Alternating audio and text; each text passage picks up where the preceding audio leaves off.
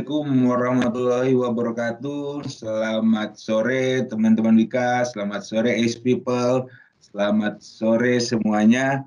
Senang sekali ketemu lagi kita sore ini dan ini udah menjelang-menjelang lebaran suasananya wah adem banget rasanya. Dan yang makin bikin adem lagi karena hari ini saya juga ditemenin sama seseorang yang bikin makin adem lagi.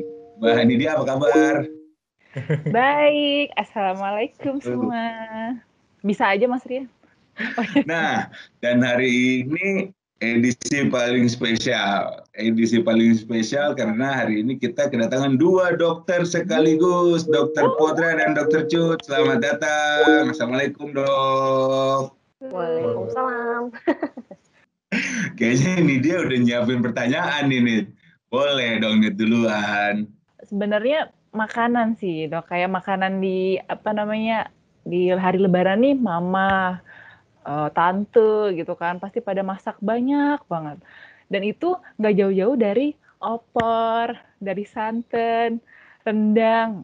Sebenarnya gimana ya dok? Supaya kita tetap bisa makan enak makan banyak tapi kita nggak langsung ada yang bilang hati-hati tuh asam urat kolesterol gitu. Sebenarnya gimana sih dok? Enaknya kita jadi nggak makan atau kita tetap makan aja? Kalau masak sih sebenarnya nggak ada masalah ya ya dok ya. Tergantung kalau misalnya memang kita uh, memang penderita kolesterol ataupun uh, apa namanya penderita asam urat atau yang lain-lain punya penyakit lain itu mungkin agak direm gitu makannya. Bukan berarti kalau lebaran biasanya ada ketupat, opor ayam dan teman-temannya terus jadi nggak bisa makan sama sekali gitu kan. E, kalau kayak cara masaknya itu ya kalau bisa kan sekarang zaman udah ada wajan anti lengket kan. Jadi supaya meminimalkan minyak kita pakai tuh wajan anti lengket. Jadi minyaknya kan juga nggak terlalu banyak kita gunakan. Terus kalau kita buat kayak misalnya rendang nih contohnya dagingnya kita pilih yang apa seratnya ataupun yang lemaknya nggak terlalu banyak. Jadi daging tanpa hmm. lemak itu bisa jadi pilihan. Atau kalau ayam ya kalau bisa tanpa kulit dan tanpa lemak. Walaupun wah kurang enak nih dok, kurang gurih. Boleh pakai kaldu, tapi kaldunya diganti misalnya kaldu jamur, jangan kaldu-kaldu yang lain kayak gitu. Terus uh, minyaknya nih gimana? Pakai minyak apa nih? Minyaknya bisa pakai minyak zaitun gitu-gitu bisa atau minyak nabati bisa, bisa banget. Itu uh, penambah rasa itu banyak. Bawang bawang merah bawang putih itu udah udah oke okay banget sebenarnya. Cuman kan kita udah terbiasa dengan adanya santan juga kan. Mungkin santannya bisa diganti dengan sekarang itu ada fiber cream. Waduh sebut merek nih creamer. Nah, creamer misalnya kayak gitu. Bisa bisa jadi pilihan. Bahan-bahannya jadi tetap bisa dikonsumsi. Kalau kita punya uh, kolesterol yang agak tinggi nih atau asam urat misalnya kayak gitu. Ya dok ya, kolesterol yang tinggi berapa sih dok? Ya, oke. Kalau kolesterol yang ngomongnya ini kan tadi dari versi perempuan ya, cocok nih sebenarnya nih ya. Yeah. Ya kan? Kalau perempuan itu versinya adalah versi masak kan, dia menggantikan bahan-bahan yang uh, rendah kolesterol gitu ya. Mungkin kalau kita dari versi yang makan aja kali ya Mas Trian ya. Jadi nah, kita setuju. udah cocok tadi dokter Jod penjelasannya itu pasti udah sudah apa itu dari sisi yang uh, penyedia ya bahwa kita harus uh, apa menggantian dengan jenis yang lebih baik gitu ya. Tapi juga kita yang makan pun juga benar Mbak Nidia tadi katakan bahwa sebenarnya tidak perlu kita harus takut untuk apa uh, tidak makan gitu ya.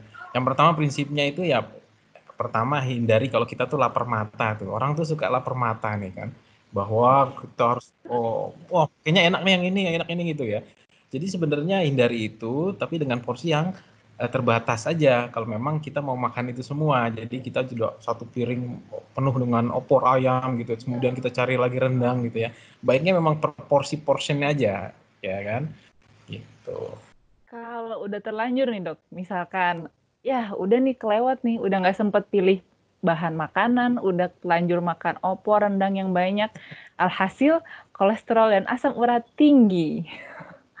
Apakah langsung bisa dok kayak udahlah makanin aja tuh obat atau apa yang bisa kita lakukan dok kalau udah terlanjur tuh? Prinsipnya gini, obat-obatan itu memang bukan pilihan utama, itu prinsip utamanya. Ya, prinsip utamanya adalah sebenarnya ya tadi dengan menghindari eh, lemak yang berlebih dan juga ada aktivitas. Ini mungkin sebelumnya ada free face dulu kali ya, bahwa sebenarnya ada juga yang survei ini tadi saya juga lupa sampaikan depan, bahwa uh, survei di Asia Tenggara kalau nggak salah ya, mengenai holidays itu loh, holidays event gitu ya, kayak kita di Indonesia tuh banyakkan Idul Fitri atau apa gitu. Dan memang ternyata rata-rata orang Indonesia itu naik 6 kilo sebenarnya. Pada masa Lebaran atau hari, hari raya gitu ya. 6 kilo. Tapi rata-rata juga berkomitmen juga untuk mengembalikannya ketika pasca dari lebaran itu. Libur lebaran. Oh. ya memang seperti itu surveinya. Bagus juga bahwa kita memang rata-rata jadi alasan utamanya adalah yang pertama adalah alasan keluarga karena ini kita family time ya. Yang kedua alasannya adalah memang uh, karena lagi liburan jadi mereka bebas untuk uh, konsumsi apa apa tapi berkomitmen untuk kembali gitu ya. Nah, yang kesa kalau saya lihat dari survei itu bahwa hampir ada yang rata-rata berkomitmen untuk kembali makannya itu menjadi normal, artinya kan sebenarnya uh, prinsip utama obatnya itu dihindari kan, ya bahwa dia tidak perlu minum obat. Dan juga minum obatnya juga ada efek samping kan, jangan lupa ada efek samping, ada dosis yang dilakukan. Dan rata-rata itu orang itu minum paling sekali sebelum mau makan udang gitu ya atau sebelum makan rendang dia minum satu gitu ya. Sebenarnya tidak efektif gitu karena memang harusnya itu rata-rata bisa dua minggu sampai empat minggu baru dia bisa menimbulkan uh, hasil yang optimal gitu loh jadi tidak sembarangan ada tata cara minumnya ada tata cara apa kapan dia minumnya itu juga kemudian berapa lama dosisnya berapa banyak gitu ya apakah indikasinya memang ada gitu kalau tidak perlu kembali lagi ke modifikasi gaya hidup itu yang harus di tekankan karena pengobatan bukan utama gitu. Mungkin dokter Cut ada? Ya paling tambahannya selain itu ya berarti ya terpaksa nebus dosa dengan olahraga sama satu lagi ya kalau udah sadar terlanjur ya jangan dilanjut lagi sama kue kering manis lain gitu kan atau misalnya sama minuman manis lain kayak gitu jadi yang terlanjur kemarin itu ditebus gitu, ditebus ya. Walaupun dengan obat bukan pilihan utama, memang agak lama untuk penurunan kolesterol itu sendiri. Cuman ya kalau sempat olahraga walaupun nggak harus yang di luar ya kan, berhubung juga kita lagi covid kayak gini. Uh, jadi ya salah satunya olahraga di rumah yang udah kita bahas jauh-jauh hari ya banyak banget pilihannya dan tergantung kondisi kita masing-masing kayak gitu aja. Oke, tadi udah disinggung juga olahraga. Nah, punya saran nggak dok? Uh, bagaimana kita membuat Lebaran ini bisa lebih punya makna dan juga lebih sehat buat kita gitu? Ya prinsipnya sih sebenarnya kalau saya sih kesehatan secara mental dan fisik itu harus utama bahwa mental itu harus jaga kan sementara kan kita masih bisa berkumpul ya teman-teman yang di proyek mungkin kan bisa dengan teman ya bisa dengan apa ya lebih teman apa ya dengan uh, sekolega itu kan dia lebih nyaman juga kan terkadang gitu ya. Soal makan ya tadi kembali ya kita tetap jaga aja gitu ya. Yang penting fisiknya harus dijaga. Kalau untuk teman-teman di rumah ya jangan lupa aktivitas olahraga tadi sudah disebutkan oleh dokter Cut. Jangan lupa bisa bisa lakukan jogging bisa lakukan misalnya yoga kalau perempuan gitu ya mungkin senam ringan jalan santai gitu. Ya, tapi setidaknya itu juga udah cukup kok. Yang penting kesehatan fisik mentalnya terjaga kalau saya. Ya sama sih ya, maksudnya paling ya kalau misalnya sama satu lagi jangan lupa bersyukur karena walaupun di tengah kayak begini, kondisi kayak begini, salah satu positifnya mungkin dulunya mungkin kita nggak terlalu sering kumpul dengan keluarga ataupun memang terpaksa harus uh, terpisah, tapi kan murni semuanya itu kan buat ibadah kan, yang satu untuk buat istilahnya menghidupi keluarga, yang satunya lagi lebih karena lebih sering ngumpulnya. Jadi dilihatlah ya, sisi positifnya karena memang nggak apa ya nggak mungkin nggak cuman kita doang yang ngerasain ini semua semua orang kena dampaknya nggak ada strata nggak ada milah-milih jadi jangan lupa bersyukur banyak juga yang jadinya ada ide baru gara-gara sering ngumpul kayak gitu kan. Nih kayak kita nih contohnya tiba-tiba muncul ide nih buat podcast kan buat sharing informasi kayak gitu. Itu salah ah, satu hal positifnya ya kan dok? Mas mbak gitu. Jadi nggak uh, semua hal harus dilihat dari kerugiannya gitu. Jadi coba dilihat dari positifnya itu apa. Jadi kita pun lebih santai kayak gitu kan.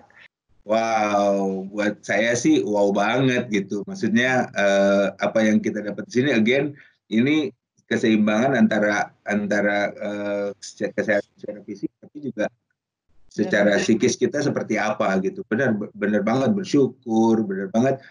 Jadi mungkin dari sekarang udah bisa merancang-rancang ya, nanti lebarannya mau bikin apa yang lebaran yang tidak akan terlupakan lah gitu ya. Jadi nanti lima tahun lagi kita bisa ingat bahwa wah lebaran 20 itu kita melakukan sesuatu yang oh banget gitu, nggak pernah terbayangkan dalam dalam kita lahir kayak mungkin jadi dokter nggak pernah ngebayangin bakal bakal ker, apa bakal berjuang melawan COVID di garda terdepan kan gitu waktu ngambil sekolah dokter dulu gitu kali ya.